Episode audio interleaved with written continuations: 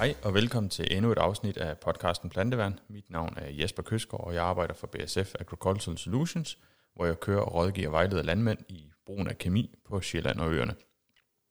Podcasten her er også produceret og sponsoreret af BSF Agricultural Solutions.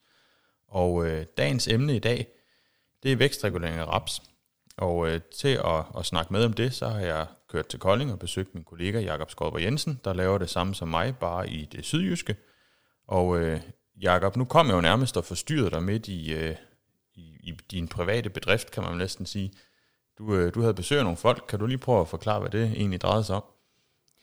Jo, jeg havde jo planlagt, at øh, du skulle komme her i dag, og nu er jeg lige blevet færdig med at høste. Så um, den anden dag, inden det begyndte at regne heldigvis. Mm. Og øh, når høsten den kommer ind, så går der, i mit tilfælde i hvert fald, når det er fremavl, så går der ikke ret lang tid, så skal den også ud igen. Og, øh, og det, der var lidt problemet her, det var, at, øh, at jeg har sådan en amerikaner-silo, hvor, hvor det, man, det her siloanlæg, det skal jo kunne tømme ud. Og når du holder en lastbil under der, så behøver det jo ikke at tage, tage alt for lang tid. Og det her anlæg, det skulle kunne levere 100 tons i timen. Og det kunne det altså ikke. Så, så det tænker jeg, det, det vil jeg nødt til at gøre et eller andet ved. Mm. Så, jeg, så det vi var i gang med, det var faktisk, at jeg ringede til, ja, det var Dankorn, og øh, i går, og øh, her til morgen, der stod de øh, faktisk direktøren deroppe fra, Ja. øh, i kædeldragt, og sagde, at det her, det skal vi lige have til at køre. Og efter kort tid, så fik de flyttet nogle ledninger, og fik justeret lidt på det, og så videre. Og øh, fra det tog tre kvarter og læse en lastbil, så tager det lige omkring 20 minutter nu. Så det er jo helt perfekt. Øh, kanon service, de, de leverer der, det må man sige. Ja, det må man sige. Det er også det er altid, altid rart, når de direktøren selv, der træder i arbejdstøjet, kommer ud og, og, og hjælper til. Og det viser også, at han ved, hvad han har med at gøre. Nu nævnte du lige, at, at høsten var overstået. Og så tænker jeg, at det, det kan vi ikke nævne, uden at, at vi, lige, øh, vi lige hurtigt vender. Hvordan er det så gået her på Minde med høsten? Ja, fra vi havde en vinter, nu er det jo meget vinterafgrøder, vi har her, men efter vi havde en vinter, hvor det har stort set regnet hele efteråret og, og hele vinteren, så havde vi et ret dårligt udgangspunkt. Men øh, mange af markerne, det, de fik noget gødning tidligt, og kom egentlig godt i gang, og så synes jeg egentlig, de har kompenseret rigtig godt. Vi har haft øh, rimeligt med sol her i foråret, og vi har haft godt med vand, sådan der er falden øh, i gode portioner. Så, så alt i alt, så er det faktisk, kan man sige, bedre, end vi havde forventet. Mm. Og, og, og det ser faktisk øh, ganske fornuftigt ud. Ikke, det er ikke topresultat, altså topudbytte og rekord og alt muligt, som der er nogen, der siger, de har. Det har vi ikke her, men, men, men, men øh, det, det, er, det er ganske tilfredsstillende. Ja, du hænger da ikke med næbet i hvert fald. Skal vi ikke sige det sådan, at øh, så slemt har det heller ikke været? Jeg vil sige, der er, der er forskel på afgrøder. Nogle afgrøder kan godt lide rigtig meget regn. Vi har noget, øh, vi har noget rækgræs, eller noget, øh, noget frøgræs af svingeltype. Den har haft det lidt, lidt træls hen over det der våde efterår. Den sætter jo de frøbærende stængler og så videre. Det sætter jo rigtig mange af om efteråret. og Det har været træls for den. Mm. Øhm, og det har givet, ja, det har givet okay, men øh, derimod rækgræs, som øh, jeg er jo kendt for, den gror jo rigtig godt, når, øh, når den får noget vand, Mm. det har givet øh, et rigtig, rigtig højt udbytte. Så som man siger, det er jo lidt forskellige afgrøderne. Dem, der lige har, hvor vejret lige har ramt det, den afgrøde godt kunne lide, øh, det giver helt vildt. Mm. Øhm, og så er der jo andre, som kan man sige, giver normalt. Øh, jeg har ikke noget, øh, jeg har ikke nogen katastrofer, som der er nogen, der siger. Nå. Vores raps, det så forfærdeligt ud øh, efter vinter. Det har stået soppel i vand hele vinteren. Mm. Og det er noget, raps ikke kan lide.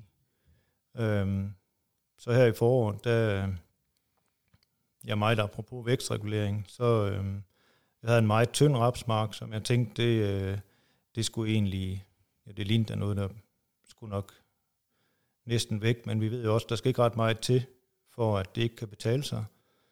Men øh, jeg tænkte, når vi har en tynd mark, hvad kan vi så? Jamen, så kan vi bruge det værktøj, der hedder vækstregulering i foråret, så kan vi få lavet nogle sideskud.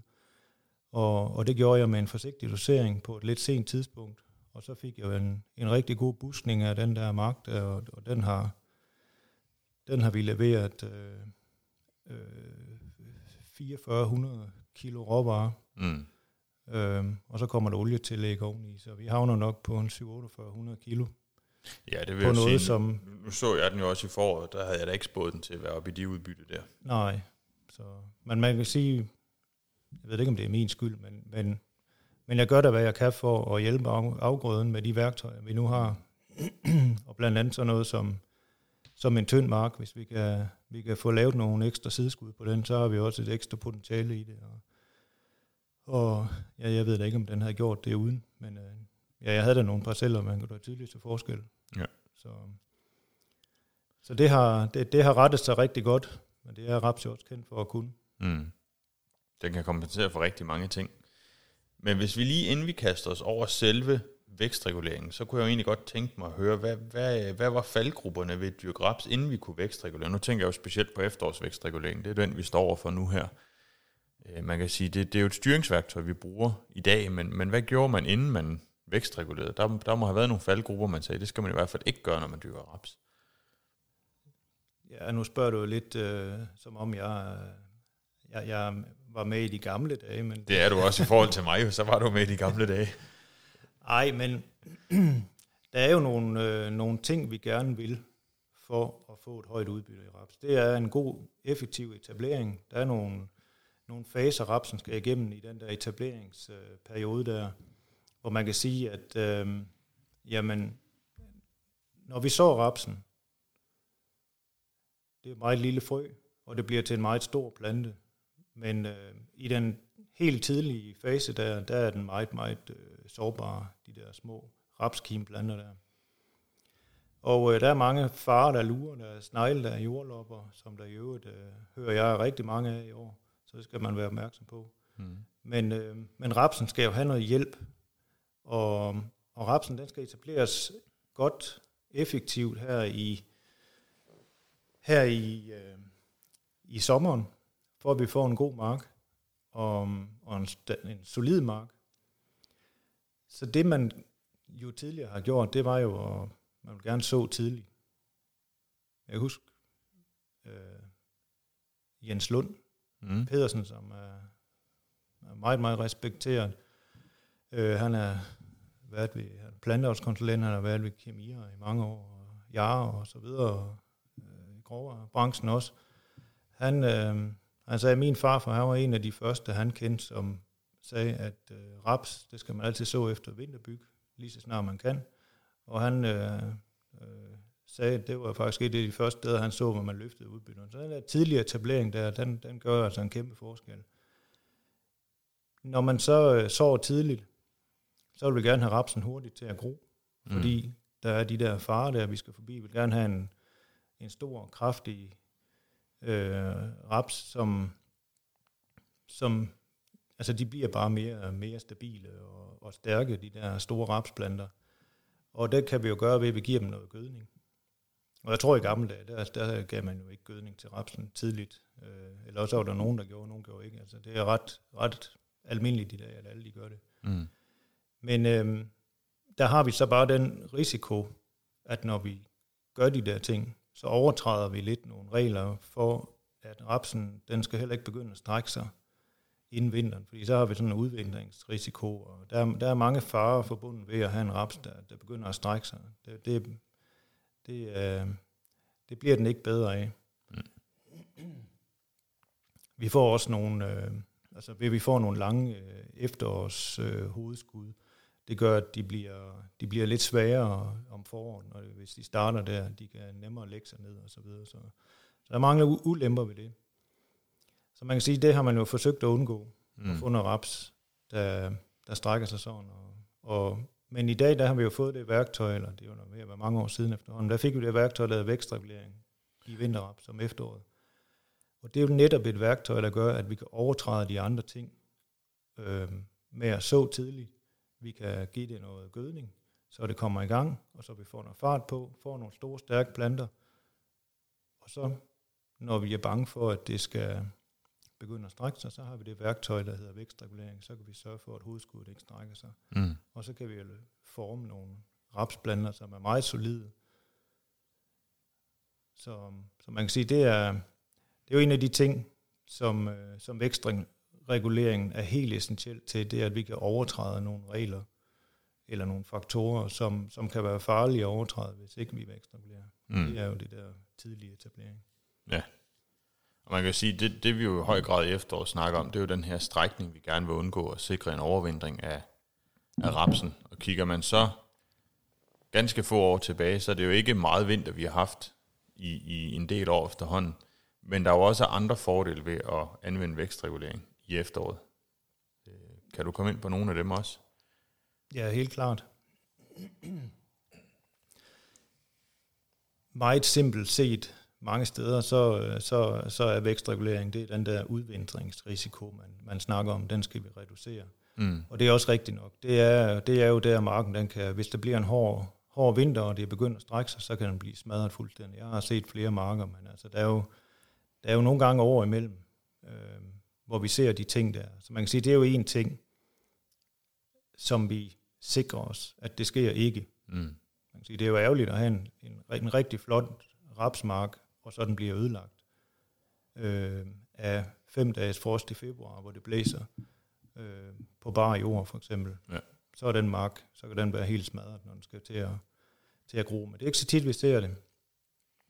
Men der er en hel, hel masse andre række øh, faktorer, som bliver forbedret, når vi vækstregulerer. Og det er blandt andet sådan noget som rodudvikling.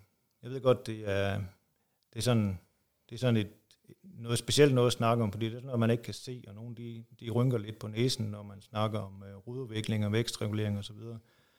Men lige nuagtigt her, der er det altså bare øh, ret godt belyst, at når vi vækstregulerer vinterraps, så får vi en større rodudvikling, og øh, der ligger nogle engelske studier, jeg tror det er helt op til 20 procent øh, større rodvækst i dem, øh, og det er, det er altså ikke noget, øh, vi i BSF har lavet, det er noget, øh, jeg tror det er Edes. Eller, ja, Edes har lavet nogle af dem, ja. blandt andet.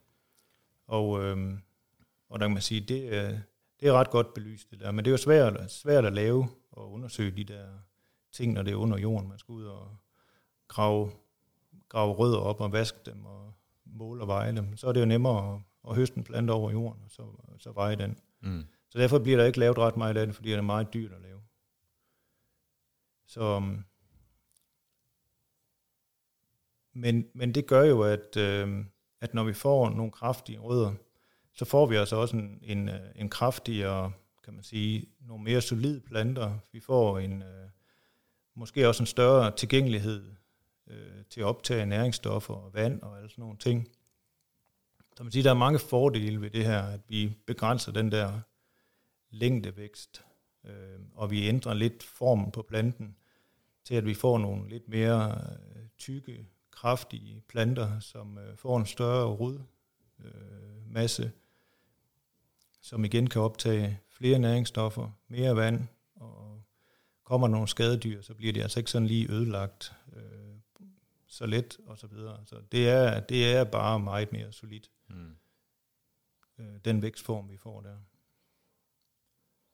En anden ting, man har, man har belyst øh, omkring vækstregulering, det er faktisk, når man har har undersøgt nogle rødder, der er sådan noget som indhold af forskellige øh, næringsstoffer og så videre, blandt andet sukkerindhold, og jeg, jeg kan ikke lige huske det i hovedet, men altså nogle, øh, måske også ligninindhold og så videre i, i, i rødderne, der bliver sammensætningen en anden, og mm. set øh, for plantens synspunkt øh, lidt mere optimal, øh, og regner man på energien i de stoffer, som findes i rødderne, så er der en, kan man sige, en større energiophobning i de rødder hen over vinteren, eller hen over efteråret, som så er tilgængelige for planten til foråret.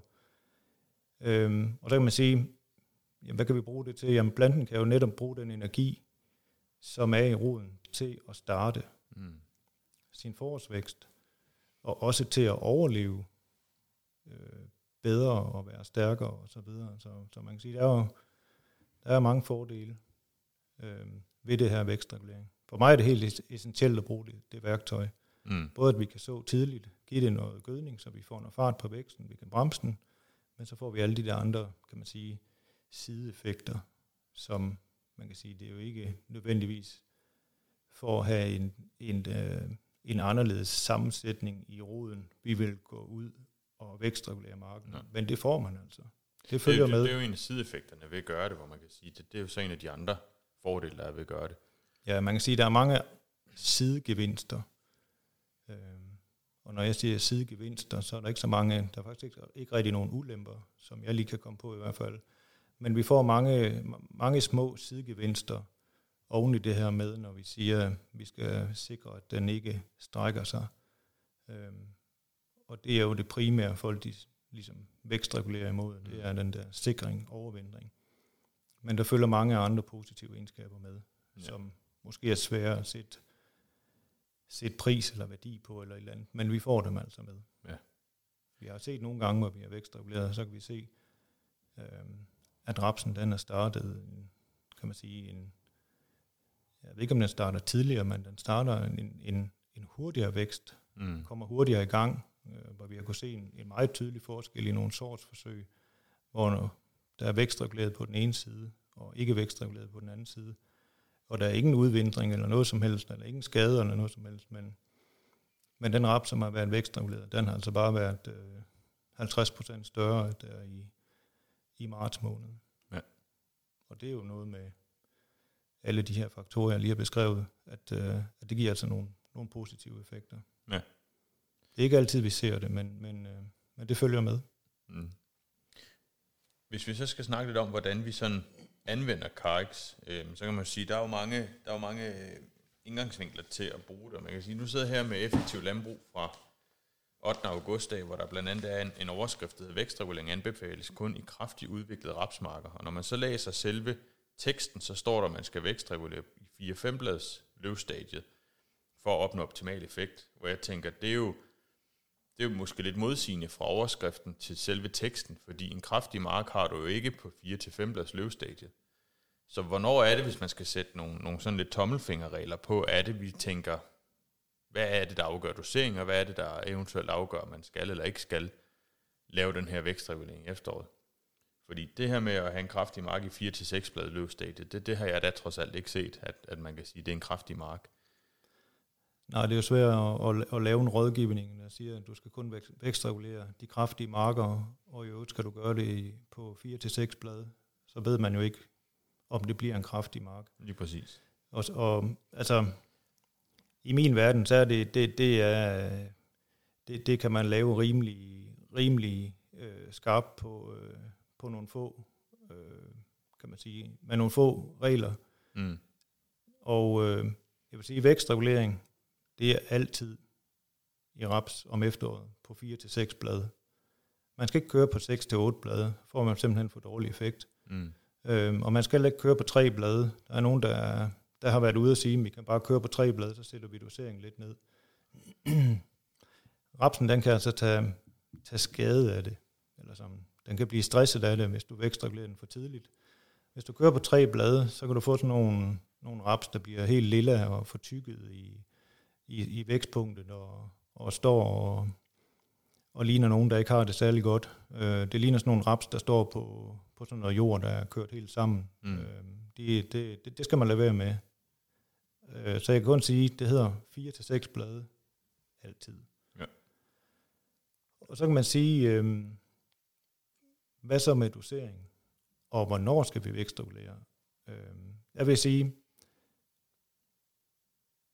hvis man tænker, at nu så jeg min raps, og så skal jeg så vurdere hen over efteråret, om den bliver så kraftig, jeg skal vækstregulere den, og når den begynder at strække sig, så kan jeg begynde at gøre det. Det er, det er en dårlig strategi. Ja. Fordi der risikerer vi at få en for ringe effekt. Vi får en rigtig god effekt på 4-6 blade, og den er meget, meget sikker. Øh, der, der får vi alle de der gode egenskaber, øh, som vi snakkede om før, dem får vi altså med øh, hver gang. Mm. Jeg vil sige, hvis man sover tidligt, eller jeg plejer at sige, så tidspunktet, det bestemmer, om vi skal vækstregulere, og det bestemmer også dosering. Mm. Og timing, det er altid 4-6 blade. Og så kan man sige, hvis du så 1. august, så rammer du 4-6 blade, kan man sige, tidligere. Det gør man måske i starten af september. Og hvis vi vækstregulerer i starten af september, så skal den vækstregulering eller effekt, man får, den skal jo holde i længere periode. Så derfor så siger jeg, hvis du, vækst, eller hvis du sår tidligt i august, indtil den 15., så kører du med 0,7 mm. liter per hektar, og så får du en effekt, der holder hen til, at øh, væksten den, den tager af hen mod vinter. Hvis du sover lidt senere, så kan du gå ned i dosering, fordi der når rapsen de der 4-6 blade på et senere tidspunkt. Det kan være det 1. oktober, eller slutningen af september, eller et eller andet. Og der kan man sige, der skal effekten holde kortere tid. Ja. Så der behøver vi ikke så høj dosering. Så det er egentlig, det er egentlig ret enkelt. Hvis man overholder de der få regler der, så, øh, så sidder den lige i skabet. Ja. Øhm, og det skal man ikke begynde at afvige fra, fordi det har vi mange, mange års erfaring med efterhånden, at det er det, der virker rigtig godt. Så, øhm, så det, er, det er det der med, at øh, vækstregulering, 4-6 blade, og så så tidspunktet, det bestemmer, hvilken dosering vi kører med. Ja. Og så har vi, så har vi en ret sikker effekt på den, ja. den front. Ja. Og, og hvis man kører, altså man kan sige, der er jo også delte meninger. Nogle de har sådan et eller andet med, at, at vækstregulering, det, det vil man simpelthen ikke bruge. Så jeg hørte en, der sagde, at han vil ikke vækstregulere. Så han sået altid sin raps efter den 25. Øh, der vil sige, det er noget af en, det er noget af en, en, øh, en, en regel at sætte op for sig selv, at man ikke vil bruge det her, i min verden, geniale værktøj. Og så så vi på et meget sent tidspunkt, hvor vi begynder at, at lave en, en etablering, der er meget mere, mere usikker, ja. end hvis vi så den 10 dage før, for eksempel. Det betyder utrolig meget. Altså 10 dage i august, det er, det betyder det er helt vildt, hvad det betyder. Man kan sige, der er jo på Sjælland i hvert fald, der har vi den her, den her magiske grænse, der er den 20. august. Man kan sige, så vi før den 20. så lykkes det stort set hver gang at få en ordentlig raps til vinter. Så vi efter den 20. Det kan så bare være den 22. eller 23. Så, så er der et eller andet, der gør, at det bliver bare aldrig den samme rapsmark. Selvom Nej. det egentlig er få dages forskel. Vi kan jo kigge tilbage, og så kan vi jo se, jeg har da også sået marker. Jeg havde en, det var i 19 sidste år, vi høstede. Øh, det såede vi den 1. september, fordi noget af det, det var, det var efter noget økologi, så der måtte vi ikke røre jorden efter der. Mm. så man kan sige, der var vi jo bagud på point, men, men da efteråret øh, var rigtig godt, og sæsonen den var, ja, der var jo noget nær optimalt sidste år, meget af, meget af tiden i hvert fald. Vi ender med at høste 5100 kilo øh, raps på noget, der er sået den 1. september. Men jeg kan da også love for, at jeg har sået noget den 1. september, som har givet øh, 3200 kilo. Altså usikkerheden på markerne, den, den mange dobles bare, når vi kommer hen i de sene der. Det kan godt være, at det går godt, det kan også være, at det ikke går godt. Mm. Når vi så det den 10. 15. august, eller i den første halvdel af august, der, altså så virker det altså bare hver gang. Ja. Det er ikke så usikkert. Det er meget, meget mere sikkert. Og så har vi jo gødning ovenpå, mm. der giver nogle gode, stærke planter, og så vækstregulerer vi det og bruger det værktøj. Det synes jeg, det er sådan en træenighed, vi kan, vi kan skabe en god sikkerhed for at få øh, nogle gode, stærke marker. Ja, for man kan også sige, der er jo den her lidt, lidt gyldne 8 x 8 x 8 altså rapsen skal have 8 blade, den skal have 8 mm pælerod og 8 cm, eller 8 mm rodhals og 8 cm pælerod indvinter.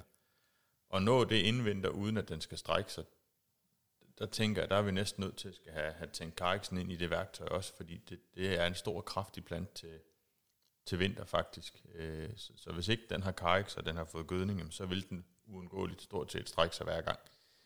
Øh, så, så skal man nå det ene uden at, uden at risikere det andet, så er det jo så er det jo en god tommelfingerregel at have, have kariksen tænkt ind på 4-6 bladstadiet.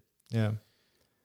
Nu så er nogle regler der, dem er, dem er jeg ikke sådan nogen, jeg lever sådan særlig meget efter. Det er sådan noget, det menneskets hjerne kan godt lide de der ting, der den lige kan huske med, med 3 gange 8 eller, eller sådan nogle ting der. Altså, altså, vi kan jo lave gode rapsudbytter på marker med, med forskellige typer planter og alle mulige ting. Altså, det, vi, vi skal nok få det til at fungere, men, men jeg mener, når vi nu så markederne, så har vi også en forpligtelse til at, at bruge de gode værktøjer, vi har, og mm. så kan man sige, gøre det så, så godt, som man nu kan. Og nogen vil måske ryste på hovedet af mig, når jeg siger vækstregulere, det er at gøre det så godt, som man kan. Men det er altså min verden, fordi det er altså et godt værktøj med mange positive egenskaber, udover at vi bare kan så tidligere give gødning. Så, så får vi altså nogle andre ting med. Det, det, det giver en god sikkerhed. Ja. Hvilken gødningsmængde vil du lægge på i efteråret øh, til, til din raps?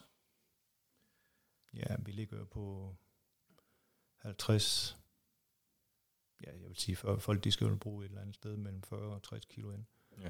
Øhm, og øh, der er mange, der har det der med, at øh, om hvis vi sover sent, så skal vi give en stor mængde gødning.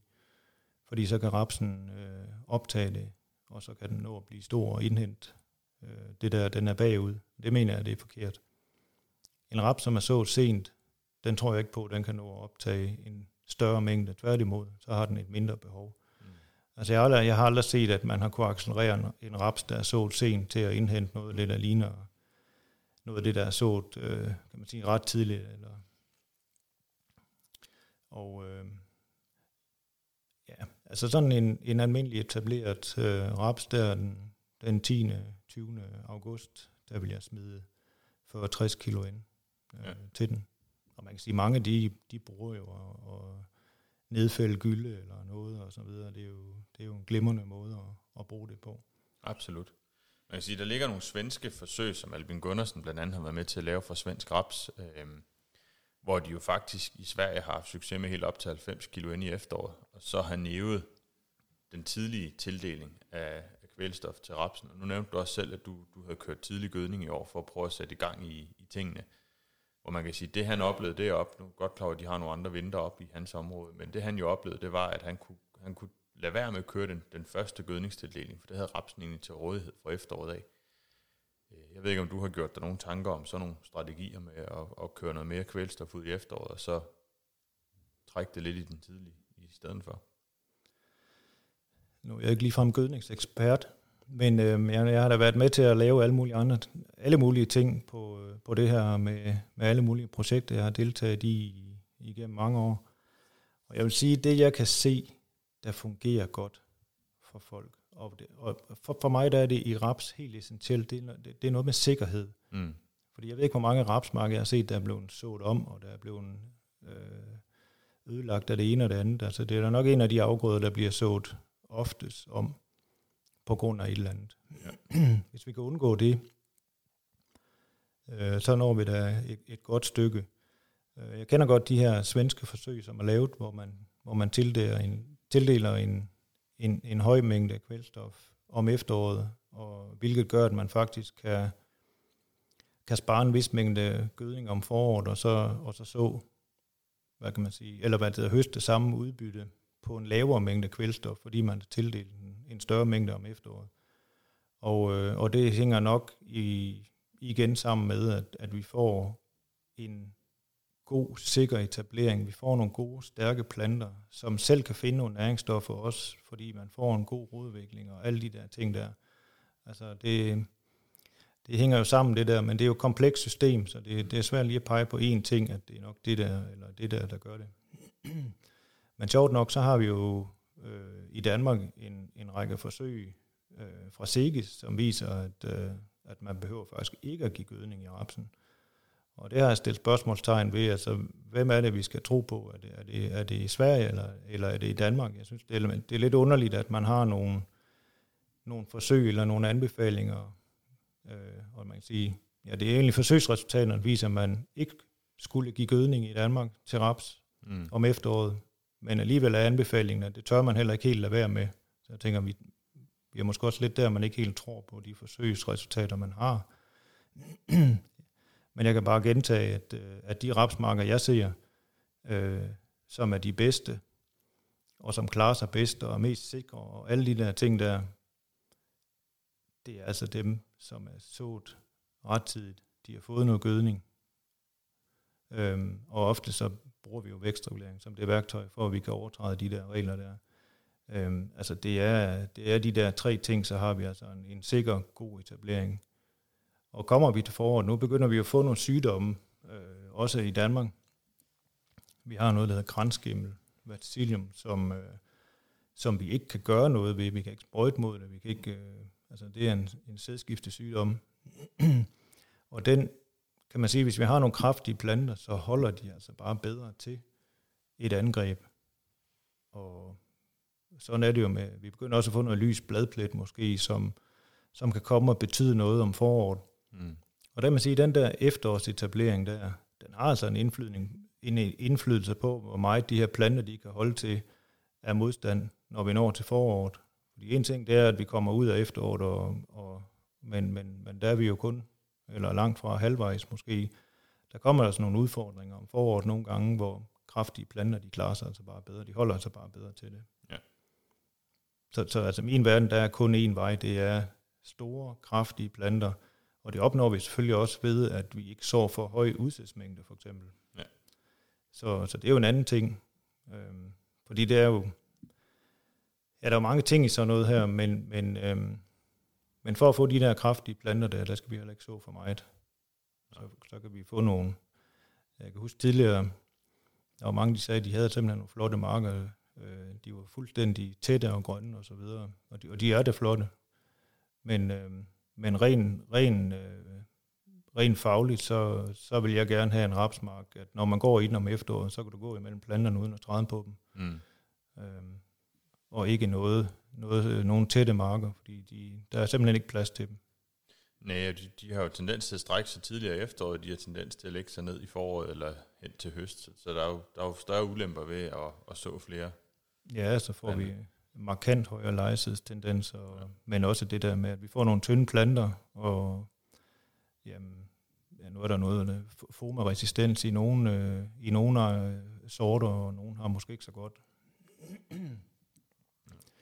Men altså, jeg har sagt mange gange, kraftige planter, de klarer sig bare bedre. Ja. Hvad med, øh, hvis vi lige skal runde, runde hele snakken af omkring raps her, hvad, hvad med øh, din egen raps? Den, øh, den må jo gå ud for, nu sidder vi her den 20. august faktisk, lige præcis i dag. Øh, er den sået? Ja, det, det blev sået her for, det blev sået den 12. Ja. Og øh, ja, jeg har jo, vi pløjer vores marker og, og så vores korn med rotorsæt, eller vores øh, afgrøder med rotorsæt. Mm. Men jeg har faktisk de sidste par år, der har jeg egentlig øh, været så malig, eller måske også tænkt lidt over, at, øh, at det kan godt være, at, at det er en god idé at bygge et andet system ind imellem den plov, der er engang imellem. Så vi får det etableret med en hårds fokus. Mm. Og det kan være alle mulige andre. Det kan også være, der findes jo ret mange gode maskiner. Øh, øh, jeg kender nogen, som har sådan en, øh, en uh, sumo-gruppe fra England. Det fungerer super godt. Mm. Øh, hvad hedder det, ja, der findes mange systemer, der findes også noget HEVA, som de fleste de kender også. Ja. Og jeg vil sige, der er ikke noget af det, der ikke dur. Øh, men rapsen vil jo gerne have sin pælerod ned i, i de her, de her grupperiller. Og, øh, men det er også dejligt komfortabelt, når vi er i gang med at høste, at, øh, at jeg kan smide en af drengene på en traktor med en, øh, med en hav, som lige får muld de der marker over, og så så kommer der en maskinstation, der både øh, har gødning og såsæde, og det hele med. Mm. Og så kører de i døgndrift, og så, øh, så får de sået de marker der. Ja. Det er en fornøjelse. Der kommer så en regning lidt senere, men øh, jeg kan jo heller ikke så det gratis alligevel. Så. Nej, jeg skulle til at sige, der er en omkostning, uanset om det er dig, der sover dem, eller hvem det er, der sover dem. Plus, der er også en tidsfaktor i det for dit eget synspunkt af. Du skal trods alt også passe et BSF-arbejde ved siden af din, din landbrugsgeschæft.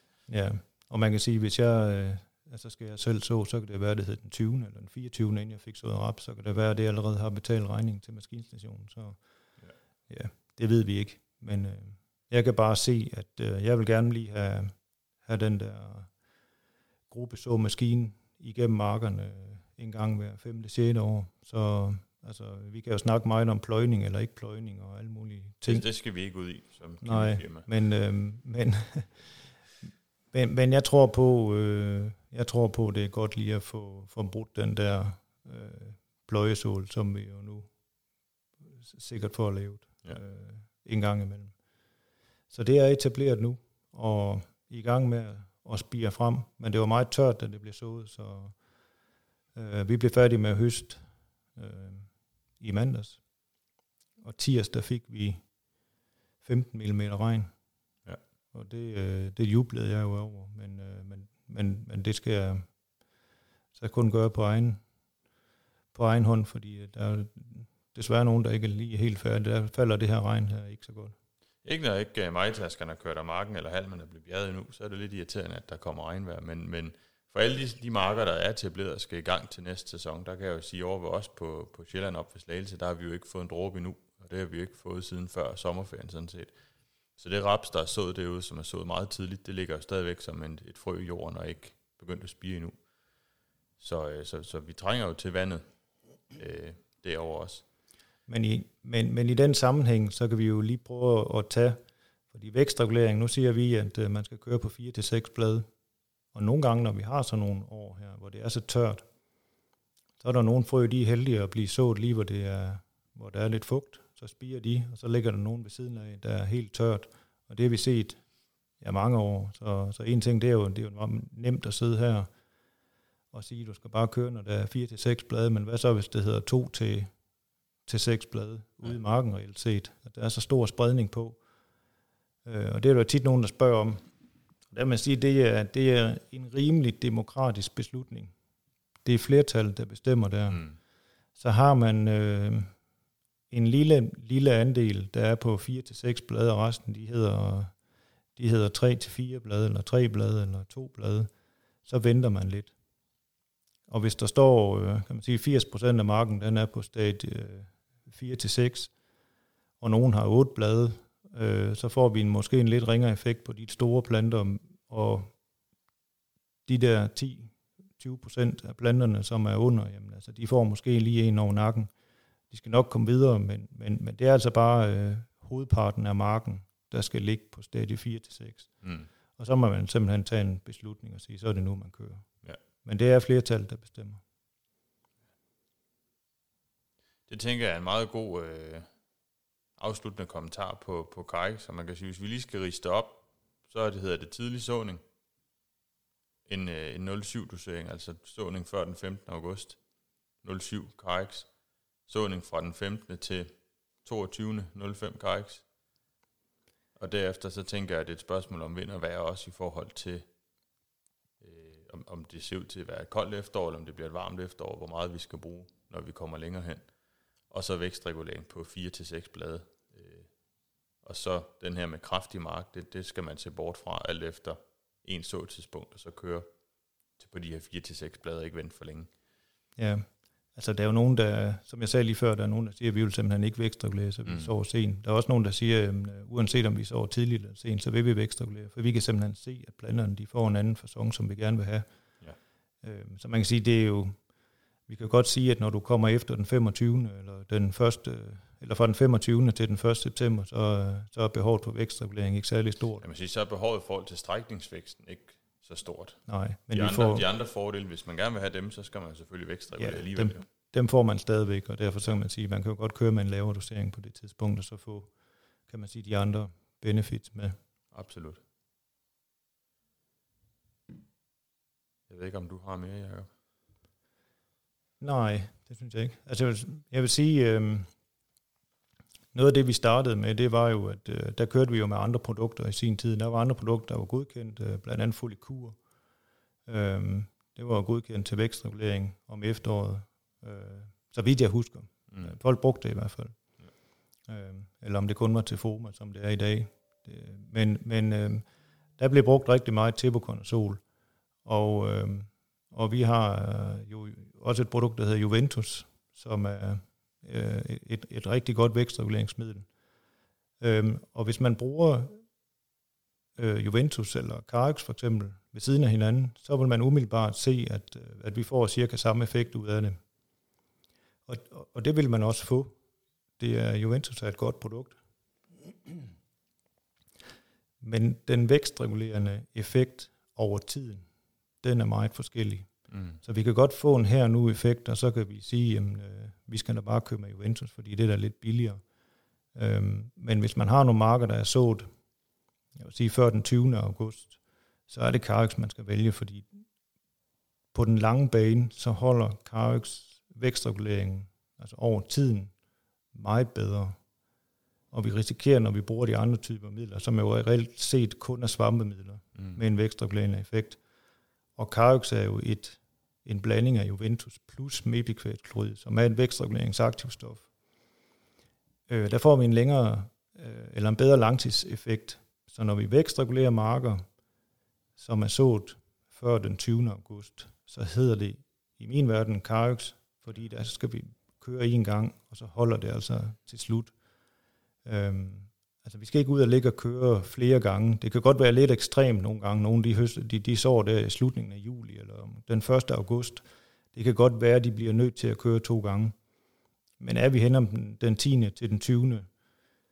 august, når vi sår, så skal vi altså ikke ud og køre flere gange end en. Det er altså ikke nødvendigt. Nej. Og derfor så er det, jeg siger, at doseringen bliver sat af så tidspunktet. Og det er, når vi snakker Carix. Og middelvalget, det er, det er altså umiddelbart er det altid Carix, fordi det holder altså bare længere. Vi risikerer ikke det der med, at de begynder at gro igen Nej. med Carix. Det gør vi altså med de andre. Så, så det er også en ting. Man kan godt vælge noget, der er billigere, men, øh, men, men, men så risikerer man jo bare, at det begynder at løbe fra en i den anden ende. Ja. Og det synes jeg ikke, det er værd, at man skal til at ud og køre igen. Det bliver meget dyrere. Så, ja. så vælg det, der, der er igen sikkerhed på, at man laver en behandling, som man ved virker. Ja. Og holder øh, indtil vinteren den begynder. Eller, ja, det er jo ikke nødvendigvis, fordi det er vinter. Det er jo også lyset begynder at forsvinde om efteråret, og temperaturen falder, og så begynder rapsen jo at gro, gro meget, meget langsomt til ja. sidst. Og så, så, så begynder be, behovet, det begynder at forsvinde. Ja. Så det er jo også en differentiering mellem, mellem midler. Ja. Og også en differentiering på dosering og sådan nogle ting. Så der er sådan flere ting, men hvis man som udgangspunkt siger, når vi vækstregulerer vores raps med efterår, så hedder det Carex, fordi det, det ved vi, det holder altså til, til slut. Ja. ja, så kan man sige, der er jo tit andre, andre faktorer eller andre midler i spil, og der må vi jo sige, der er jo kun Carex, og der er kun Juventus, der er godkendt til vækstregulering i efteråret af raps. Ja. Øh, og så lige for god ordens skyld, Fulikur, som du nævnte før, det er et, et registreret varemærke hos Bayer Crop Science. Det, det skal vi lige huske at have med, for ikke at, at træde nogen over tæerne. Ja. Men en anden ting, øh, Jesper, det er jo, vinterraps er jo kendt for, at det er sådan en afgrøde, hvor man tænker, jamen, øh, hvis vi så noget vinterraps, så er vi også beskæftiget resten af efteråret. Fordi ja. der er simpelthen så mange ting, der skal laves, og der er så mange behandlinger, man skal lave. Og der vil jeg sige, at sådan noget som Carix, det er jo utroligt blandbart med alt muligt andet, vi ja. kan køre med. Vi kan køre Carix, og vi kan køre blanding med Folikur, eller røvl, øh, Focus Ultra mod spildkorn og græsser. Vi kan blande med insektmidler, vi kan blande med bor, flydende gødninger og alt muligt, hvad folk de finder på, og man skal have ud. Ja. Så man kan sige, der er Carix altså bare et, øh, et fleksibelt middel, som, som kan, hvor man kan lægge de der sprøjtninger sammen der. Vi har så lige sådan et produkt som Belka, det skal man ikke blande med. Nej.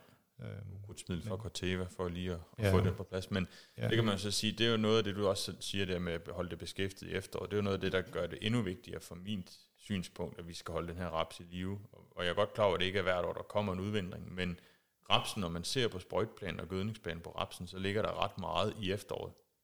Det vil sige, hvis du kommer hen til foråret skal så om, så er alle pengene allerede brugt i efteråret, hvor man kan sige, en vedemark, den sår du har som regel en ukrudtsbekæmpelse, og så gør du ikke noget for foråret.